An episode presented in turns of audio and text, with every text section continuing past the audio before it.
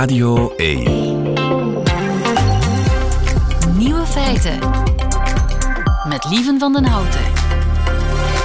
Dag en welkom bij de podcast van Nieuwe Feiten, geïnspireerd op de uitzending van 6 februari 2023. In het nieuws vandaag dat drugs niet meer het populairste product is dat Amerika wordt binnengesmokkeld.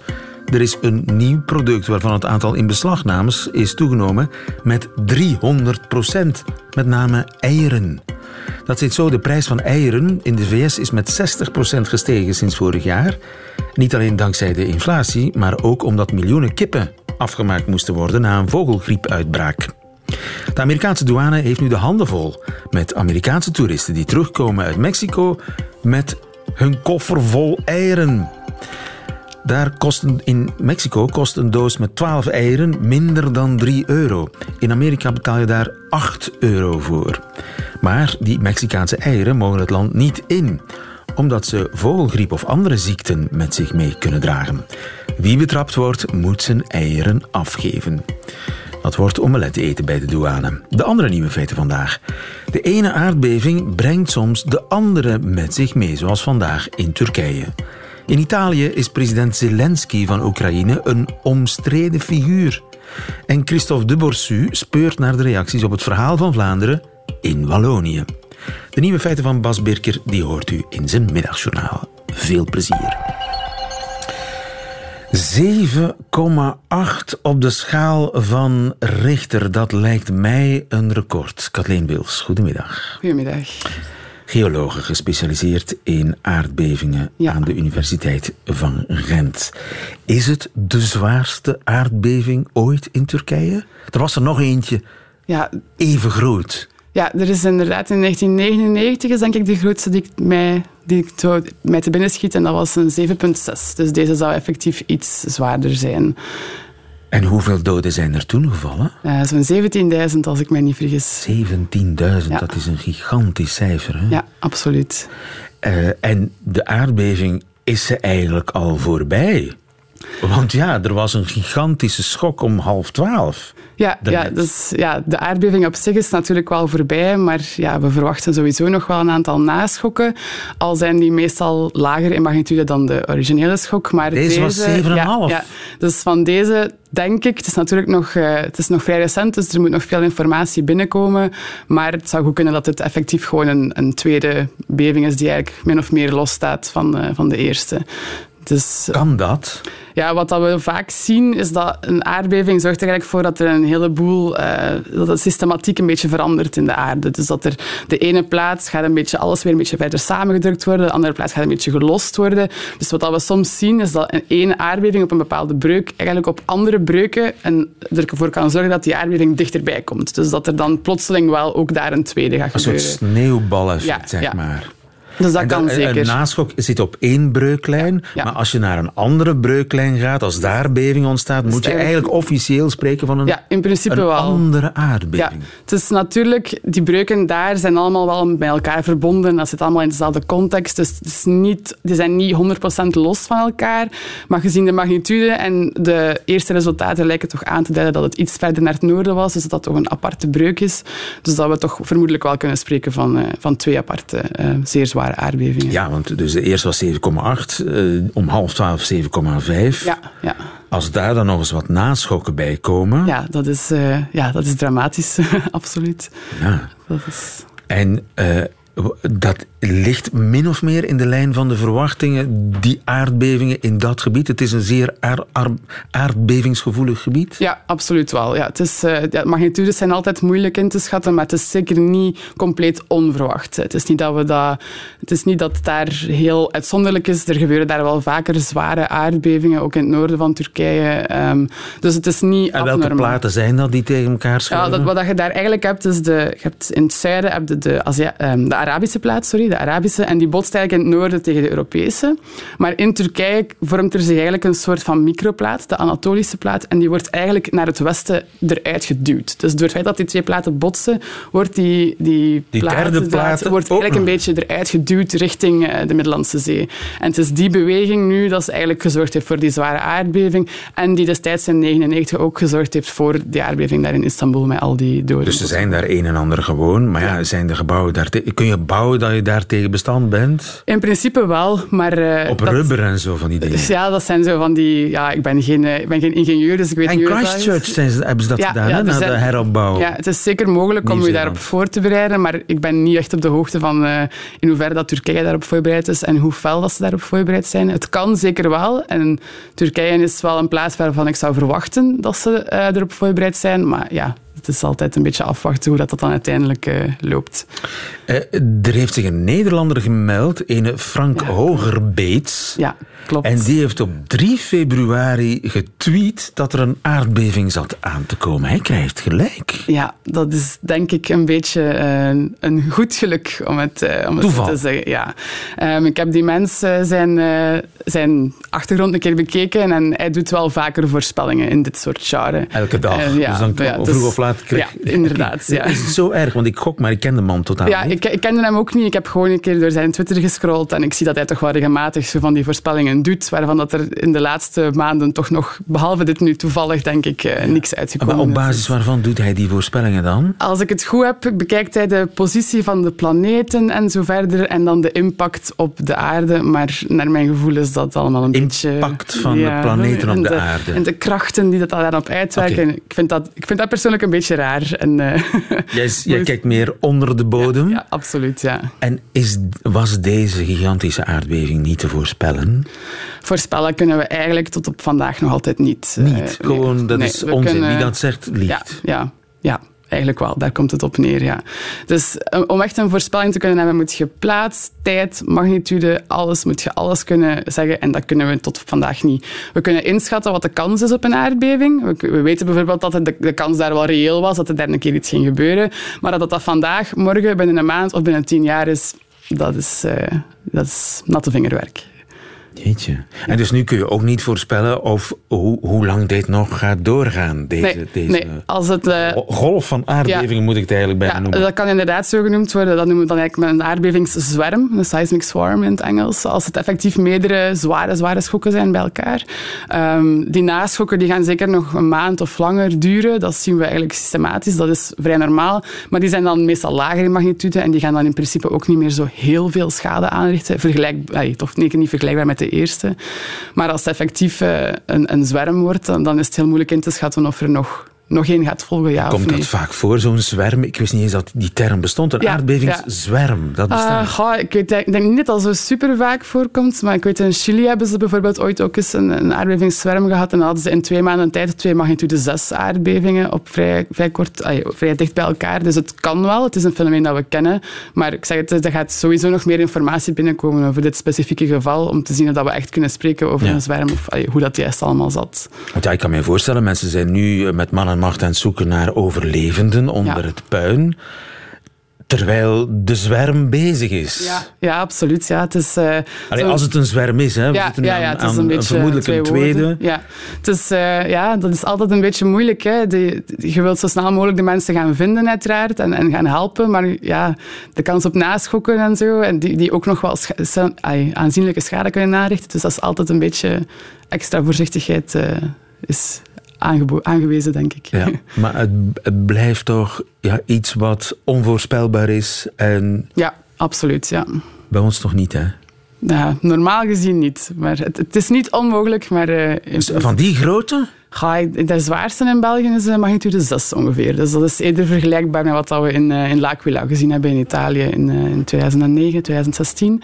Maar dat is van de jaren 1600 geleden. Is, en we hebben geen idee over hoe vaak dat, dat voorkomt. Dus het kan, maar in Je maakt me niet bang, hè, mag ik hopen. In pri- ja, ik, ik, ik ben er eh, zelf niet bang voor, per se, hier in België. Dus, Katrien eh, Wils, dankjewel. En onze gedachten zijn natuurlijk bij de mensen in Turkije die zoeken naar slachtoffers onder het puin terwijl de aardbevingen nog bezig ja, zijn. ja, absoluut. Fijne dag verder. Dank je wel. Nieuwe feiten. Coucou de Namur. Met Christophe de Borsu. Dat was alweer een tijdje geleden dat we hoorden van Christophe de Borsu, onze man in namen. Goedemiddag, Christophe. Goedemiddag, lieven. Coucou de Namur, welkom in de Waalse hoofdstad. Lieven, eerste raadsel, spotgemakkelijk. Traditie. Er- herken je dit geluid? Dat is een kassa. Ja. Kassa, kassa. Een kassa. Ja, inderdaad. Ja, dit is trouwens een tip om een tweede raadsel op te lossen. Kun je me het Belgische probleem in twee woorden samenvatten? Vlaanderen betaalt Wallonië.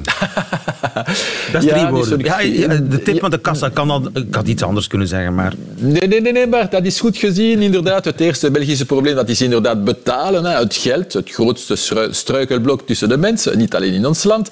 Het tweede Belgische probleem, dat zijn onze talen. Hè. Dus talen en betalen. Talen en betalen, dat was het Ah, juiste ja. antwoord. Sorry. Talen en betalen.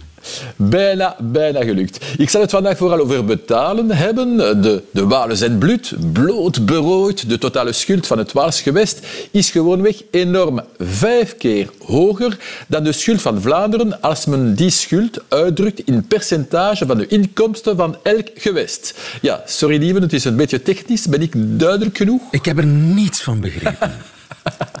Ik zal dus mijn best doen om het iets beter uit te leggen.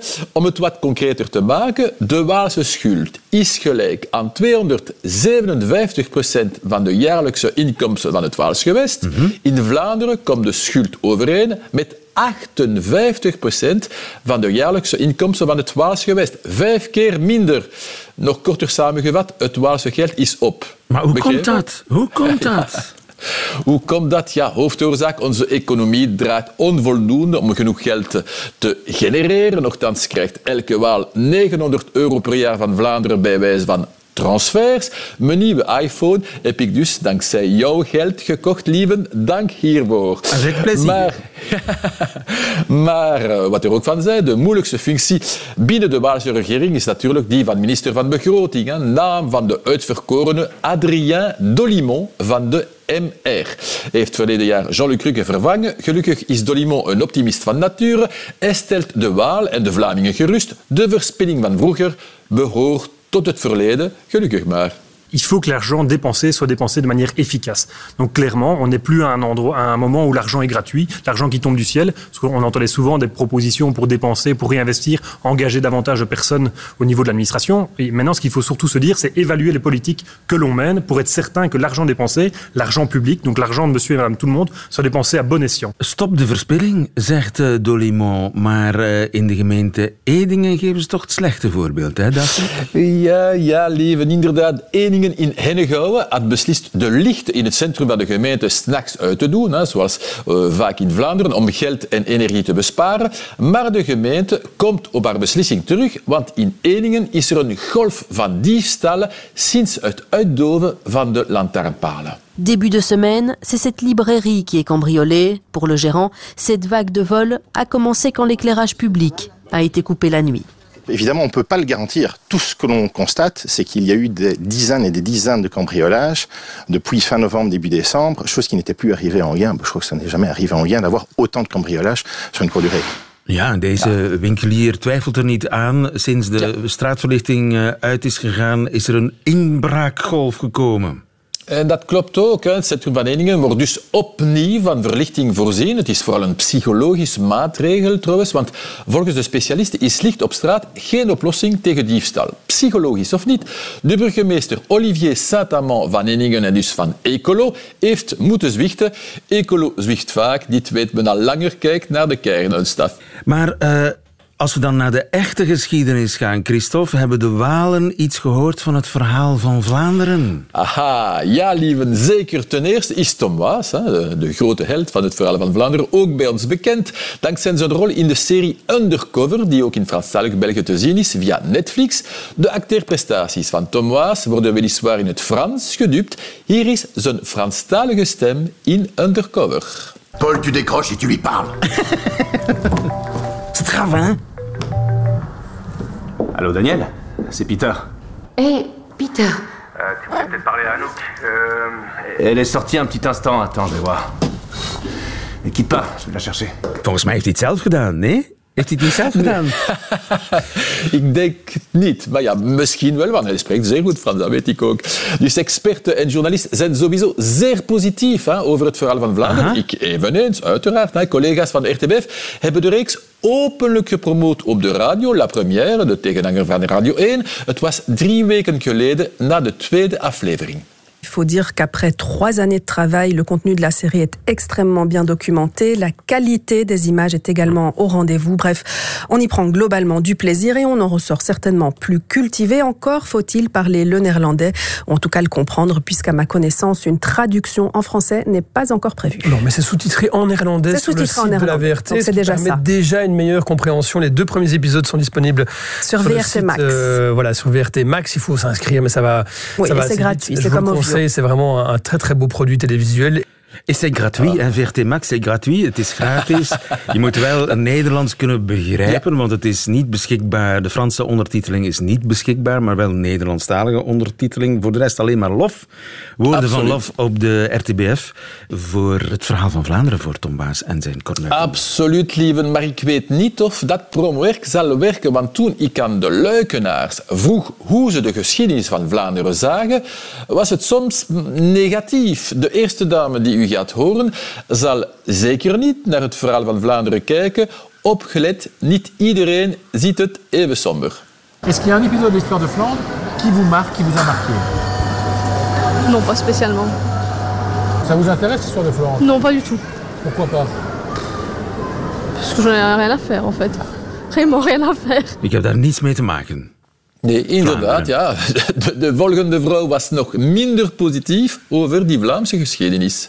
Flamands, en tous les cas, ils étaient avec les Allemands. hein. Quoi, pendant la guerre Ah oui. C'était Ah. des collabos. Quand on en parlait à l'école, on disait toujours que les Flamands étaient des collabos. Voilà, Vlamingen zijn allemaal collaborateurs, Ja, maar dat ja. is ook heel simpel. Maar niet iedereen uiteraard deed zo negatief. Moi, c'est la gentillesse des Flamands qui viennent aider les Wallons. Pendant les inondations Voilà. Encore maintenant, ils viennent encore maintenant. C'est ça qui vous a marqué Ah oui, oui, oui, oui. Oui, alors que personne ne le ferait, eux le font.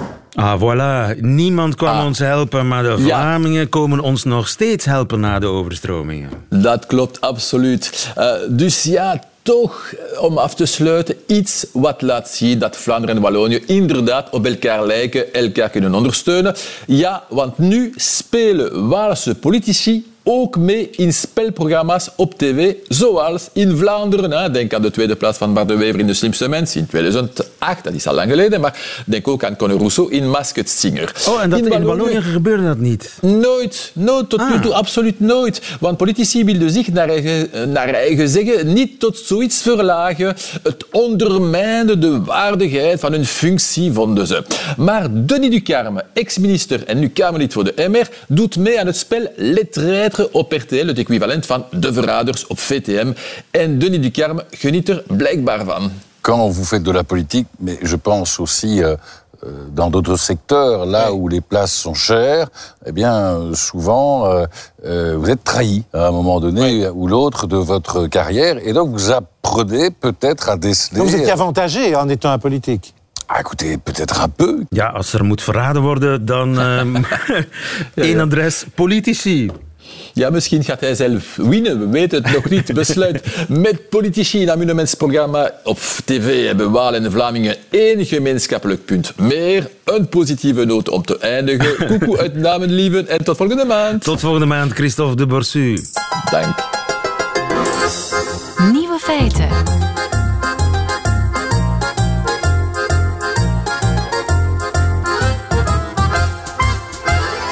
Veel Italianen zijn tegen Zelensky. Ine Rooks, goedemiddag.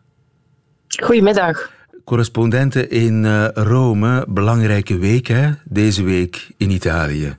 Ja, vooral voor eh, entertainment Italië dan, want eh, dinsdag begint hier het Sanremo Liedjesfestival, dat een, zoals je weet, een cultureel instituut is. En aangezien daar zeker naar de slotavond miljoenen Italianen kijken, is het ook een maatschappelijk fenomeen. Ja, en eh, bij eh, dat festival horen eh, soms heel goede liedjes, soms wat minder goed. Heel veel kitsch, maar ook altijd een jaarlijkse controverse of Ja. grote polemiek. Het is ouder is dan. Eurovisie, het festival van Sanremo. Het heeft een live Absoluut. orkest. Het is een soort, ja, het is de origi het originele eigenlijk van het Eurovisie Songfestival. Hè? Het, is de voor, het was een inspiratiebron, ja. En het heeft eh, Italiaanse supersterren opgeleverd, zoals Laura Pausini. Zeni, Eros en recent twee jaar geleden nog maar uh, Maneskin, die daarna dan zijn gestuurd naar het Eurovisie Songfestival, dat gewonnen hebben ook en uh, ja, wereldberoemd zijn geworden toch. Dus ja, het is absoluut wel een liedjes feest en festival van formaat, met dus inderdaad vijf avonden lang een live orkest. Dat um, veel Italianen niet allemaal, want het is zo'n beetje, ja, voor die kindjes schamen sommigen zich toch wel, maar toch heeft altijd iedereen alles gezien. Achteraf, ook als ze niet kijken. Um, dus het houdt de Italianen wel bezig en het valt altijd op hoe zelfs de kwaliteitsmedia heel lange en ernstige artikels aan Sanremo wijden. Ja, ja. het is uh, absoluut een fenomeen. En Zelensky is er ook bij dit jaar. Ja, dat is dus uh, de controverse van dit jaar. Hè. Zoals ik zei, er is altijd wat. Uh, soms verdenk ik ze er ook van om een polemiek te zoeken, omdat uh, ja, there is no such thing as bad publicity. Dan spreekt iedereen nog meer over Sanremo. Maar iedereen is toch voor is. Zelensky? Dat is een held. Dat is uh, de leider van uh, een land in oorlog, ja. En uh, heel veel mensen vinden dat, ja, gelukkig dat hij aan de kant van de slachtoffers staat en zijn grondgebied verdedigt. Maar in Italië is er veel meer controverse over. Dat is al maanden zo. Er is een zeer harde kern van de Italianen tegen wapenleveringen, waaraan Italië ook meedoet. Wapenleveringen voor Kiev. En nu verpakt zich dat op een wel heel eigenaardige manier in verzet tegen de deelname via videoboodschap van Zelensky, die op de slotavond van Sanremo aanstaande zaterdag um, het Italiaanse televisiepubliek wil uh, toespreken en wil oproepen tot uh, solidariteit en vergeet ons niet. En eerst was het verzet tegen die videoboodschap van Zelensky nog kies verpakt, nog vrij proper, in de zin van omvloerste opmerkingen als laten we ja, showbiz en ons liedjesfestival toch niet vermengen met politiek. Maar dat bleef dan zo lang aanslepen, die polemiek, dat uh, ja, je toch wel een donkerbruin vermoeden begon te krijgen dat hier meer aan de hand was. En dat blijkt ook wel zo, lieve, omdat er nu een uh, ja, toch wel nare petitietekst rondgaat, waarin uh, er met geen woord wordt gerept over Poetin en wat hij heeft uitgehaald, maar wel uh, Zelensky als een nationalistische leider wordt omschreven, die uh, mede verantwoordelijk is voor zware repressie tegen de Russisch sprekenden in de Donbass, die een bloedige oorlog om die regio uitvecht en die mee verantwoordelijk is om, het, om de wereld op de rand van een nucleaire holocaust te brengen. En ja, die petitie is al door meer dan 94.000 mensen ondertekend om Zelensky weg te houden bij Sanremo. Ja. Dat is krankzinnig. Nu goed, dat is krankzinnig. Het is natuurlijk wel een heel groot land. 94.000, ja, we hebben hier 60 miljoen Italianen. Dan moet je dat meteen wel wat relativeren. Maar het blijft wel leven, het blijft wel groeien elke dag dat je kijkt, de petitie aan het groeien. Ze willen ook gaan live manifesteren. Ze willen een betoging houden in Sanremo. Er wordt ook een tegenbetoging van Oekraïners verwacht die uh, hun president gaan steunen. En wat een beetje het perfide daaraan is, is dat ze eigenlijk ook niet helemaal kleur bekennen. Ze noemen zich heel breed pacifisten. Dus waar je kan zeggen dat vroeger er zat hier in de onderbuik, en, en ook niet alleen in de onderbuik, er waren en er zijn veel contacten, cultureel, politiek, uh, zelfs in zaken uh, schrijvers, literatuur, culturele banden tussen Rusland en Italië. Dat was zeker, ja, ja er waren ook in andere landen uh, goede relaties met Moskou tot die invasie van vorig jaar. Maar hier zie je dan dat die daarna zich zijn gaan vervellen tot een soort van, ja, we gaan niet meer openlijk zeggen dat we Poetin steunen, maar dan gooien ze het over een andere boeg. De vroegere laten we zeggen, Italianen met bepaalde uh, pro-Moskou-sympathieën, zijn zich dan ineens gaan vervellen tot pacifist, tussen grote aanhalingstekens. En dus tegen uh, wapenleveringen voor Kiev zijn, ja, dat dient natuurlijk ook de agenda van het Kremlin. Maar wie zit daar dan achter? Is dat dan de Vijfsterrenbeweging? Of zijn dat de communisten, als die nog bestaan? Of uh, wie zit daar politiek achter? Politiek, dus dit is iets uh, dat uit de onderbuik komt. Dit komt van uh, burgers. Uh, er zijn zeker veel politici geweest die zich hebben uitgesproken. Um, en onder meer inderdaad de Vijf Sterrenbeweging en oud-premier Giuseppe Conte was daarbij. Die heeft niet gezegd, ik steun Poetin, ik ben tegen Zelensky. Hij zei wel, ik weet niet of de lichte omgeving van een liedjesfestival geschikt is om uh, zulke boodschappen te komen brengen. Ik vond bijvoorbeeld dat Zelensky, wat hij ook gedaan heeft, zei Conte, het Italiaanse parlement uh, moest komen toespreken en daar zijn visie uh, op de oorlog en kon toelichten en onze solidariteit kon vragen. Ik vind niet dat hij dat forum moet aangrijpen van een liedjesfestival. Wie echt achter die petitie zit, is mij niet heel erg duidelijk. Het is heel diffuus. een allegaartje. En als je naar die petitietekst kijkt, dan, uh, ja, dan, dan zit daar van alles bij. Dus pacifisme, daar zit ook weerstand tegen de NAVO, het Westen, uh, de massamedia, uh, het establishment qua bij. Daar zijn ook mensen bij die tegen de verplichte vaccinatiepas waren in Italië. Dus ja, de, anders globalisten. Bedoel, um, het is eigenlijk een stuk van die Italiaanse bevolking die sceptisch staat tegenover de instellingen, uh, de, de macht. En uh, ja, dat is qua verzet tegen financiering van wapens aan Oekraïne, wil niet zeggen tegen Zelensky, maar wel mensen die zich zeer ernstige vragen stellen bij wapenleveringen voor Kiev, dat is intussen en al een hele tijd de meerderheid van de Italiaanse bevolking. Die zitten ook mee in die groepen. Dat is haast 55 procent, eh, volgens een heel recente peiling, die eigenlijk uh, het geen goed idee vindt dat Italië mee wapens uh, aan Oekraïne levert of daar, uh, daar geld voor uittrekt. Ja. Is de belangrijkste reden dan die traditie van Russofilie waar je het over had?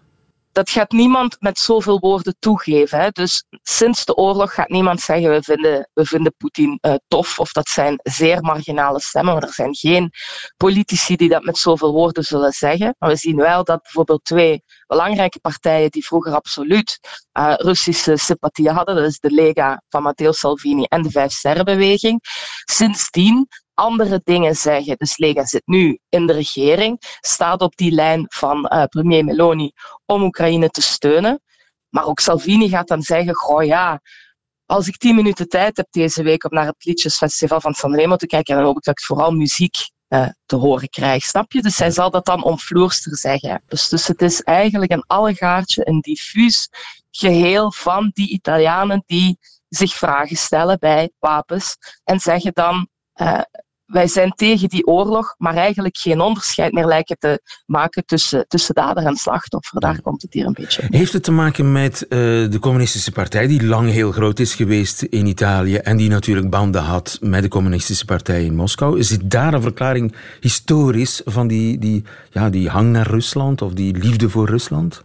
Historisch zeker wel, en zonder te veralgemenen. Dit is een land dat uh, op heel veel uh, vlakken op twee benen hinkt eigenlijk. Uh, enerzijds een forse rechterzijde, anderzijds ook een forse linkerzijde. Wat we wel hebben gezien, en, inderdaad historisch, die linkerzijde, dit, dit is het West-Europese land met de grootste communistische partij geweest lange tijd, die nu vervuild is naar een centrum-linkse partij. Maar absoluut heeft dat er veel mee te maken. Dat is ook de reden geweest waarom Amerika Italië uh, altijd heel lang van nabij in de gaten hield. En een grote communistische partij wel een probleem was in een, uh, in een groot uh, Europees land. Nu, sinds de val van de Sovjet-Unie en alles en, en de evolutie van die partijen, zie je um, dat Poetin ook wel een aantrekkingskracht uitoefende. Zeker niet alleen op, op, op, op voormalige uiterst linkse partijen, maar vooral ook de rechtse nationalistische partijen zoals de Lega bijvoorbeeld, die kan Salvini nu niet meer van, uh, van linkse sympathieën verdenken. Nee, Daar was dan weer de aantrekkingskracht van de, de autocratische sterke man. Juist. Zal hij de nazi toespreken, Zelensky, zaterdag, denk je? Wel, voorlopig denk ik dat de polemiek um, nog een paar dagen aanhoudt. Maar het laatste nieuws wat we dan weten is dat de RAI, de openbare omroep, um, zeg maar de VRT van Italië die uh, Sanremo uitzendt, uh, absoluut van plan is hiermee verder te gaan en zegt wij vinden dat politieke en maatschappelijke thema's absoluut een plaats verdienen op, uh, op dit populaire liedjesfestival en wij moeten die oorlog niet wegdenken. Ja. Dat heeft absoluut een plaats op ons podium. Ja. ja. Bijna even spannend als de vraag wie wint Sanremo dit jaar is. Zal Zelensky toespreken? In Rooks in Italië voor ons. Dankjewel. Goedemiddag. Graag gedaan. Nieuwe feiten. Radio 1. Laat een kikker zich langzaam gaar koken zonder te protesteren. Gilles Wijkmans, goedemiddag. Hallo. Waarom stel ik die vraag? Dankzij Ivan de Vadder. Ivan de Vadder heeft vanmorgen iets gezegd in de ochtend. Aanleiding was het standpunt van de Groenen. -huh in verband met kernenergie. We gaan eens luisteren naar Ivan de Vader. Leen, groen dreigt de kikker van de wedstrijd te worden. Mm -hmm. Je weet, als je een kikker in een kom kokend water gooit, dan springt hij er meteen uit. Maar als je die kikker in het koude water zet en dan het water stilletjes aan opkookt, ja, ja dan gaat die kikker zich laten meekoken. Gilles Wijkmans, jij bent van de redactie van Nieuwe Feiten, maar je bent ook in je vrije tijd natuurliefhebber. Jij, jij, vol, jij maakt ook de quiz voor Nieuwe Feiten. Ik heb bent- kikkers in mijn tuin. Je hebt kikkers in je tuin. Ja, absoluut. Heb jij dit proefondervindelijk al uitgetest? Ik mag hopen van niet. Nee, want in iedere hoedanigheid is het eh, verschrikkelijk om die kikkers zoiets aan te doen. En ik hoop dat Ivan de Vadder geen bioloog wordt, want dit is complete kwatsch. Een kikker zal dat nooit... eh, Weet je dat zeker? Is dat al onderzocht? Dat is, dat is al onderzocht ja, door een paar sadisten in de 19e eeuw. Ehm, die beweerden dan inderdaad dat wanneer je een kikker in water stopt en dat water heel traag laat opwarmen, op een bepaald moment dat water zal koken, die kikker dat helemaal niet doorheeft, omdat het zo traag is verhit, dat die kikker uiteindelijk zal sterven in het, eh, in het water. Terwijl als je die kikker direct in kokend water zou stoppen, die zou er direct uitspringen. Beide dingen zijn zo vals als iets. Eh, Want dat is dus getest in de 19e ja, eeuw al. Inderdaad. Maar wanneer, alleen al door de berekeningen die dan nu door wetenschappers gedaan worden. Van, eh, er wordt bijvoorbeeld door één, één persoon die zo'n experiment gedaan heeft beweerd van ja, de kikker heeft twee uur lang niet bewogen. Dat gaat geen enkele wilde kikker doen natuurlijk twee uur lang stilzitten. Dus alleen al daardoor weet je dat het niet waar is. Het is ook niet waar omdat kikkers koelbloedig zijn. En voor koelbloedige dieren is zelfs al een paar graden boven hun eigen lichaamstemperatuur dodelijk. Koude is voor kikkers veel makkelijker te tolereren. Ze leven bij ons in de winter bij vriestemperaturen. Dan, eh, dan warmte. Ze hebben warmte. Ze zijn koudbloedig en daarom kunnen ze niet tegen warmte. Dus ze zijn als eerste geplaatst om te protesteren tegen Ja, warmte. heel hun metabolisme zou op hol slaan wanneer het te warm is. En ze hebben een heel dunne huid, ze ademen ook door hun huid. Dus een temperatuurschommeling, dat voelen zij direct. Dus een kikker gaat zeker wegspringen wanneer... Het is een spreekwoord, het is een gezegde, maar wetenschappelijk moeten we zeggen, het klopt niet. Dikke, dikke kwatsch. En dat waren ze, de nieuwe feiten van 6 februari 2023. Alleen nog die van Bas Birker, de Nederbelg, de stand-up comedian. Die krijgt u nu in zijn middagjournaal. Nieuwe feiten. Middagjournaal.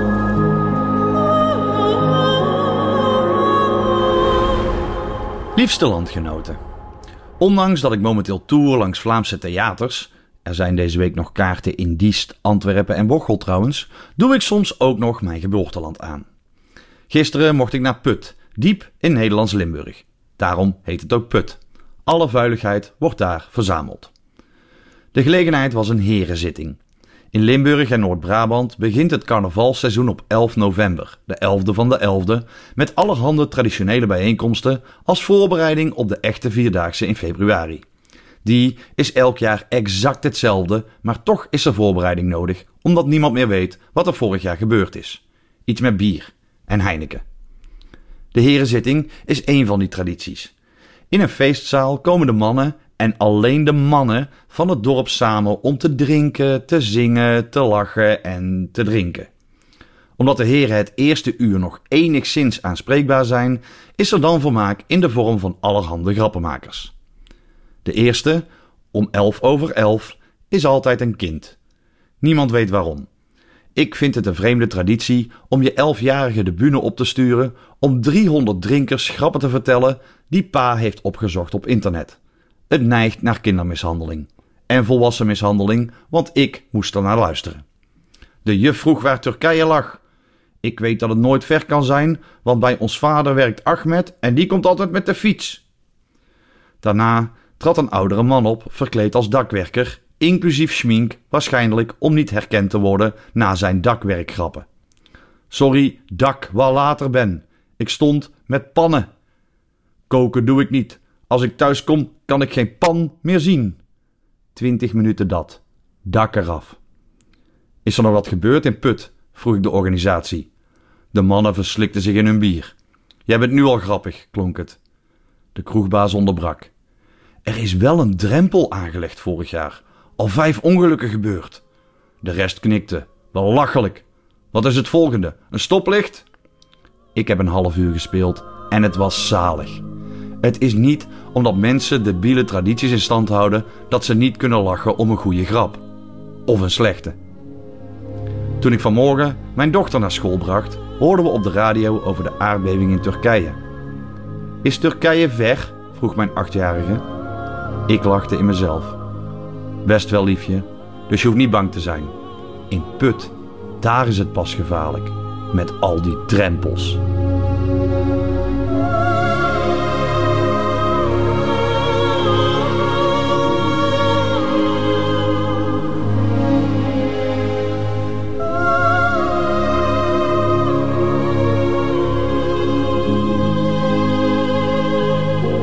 Het met Bas Birker. Einde van deze podcast. Hoort u liever de volledige nieuwe feiten met de muziek erbij? Dat kan natuurlijk elke werkdag live tussen 12 en 1 op Radio 1 of on demand via de Radio 1 website of app. Tot een volgende keer.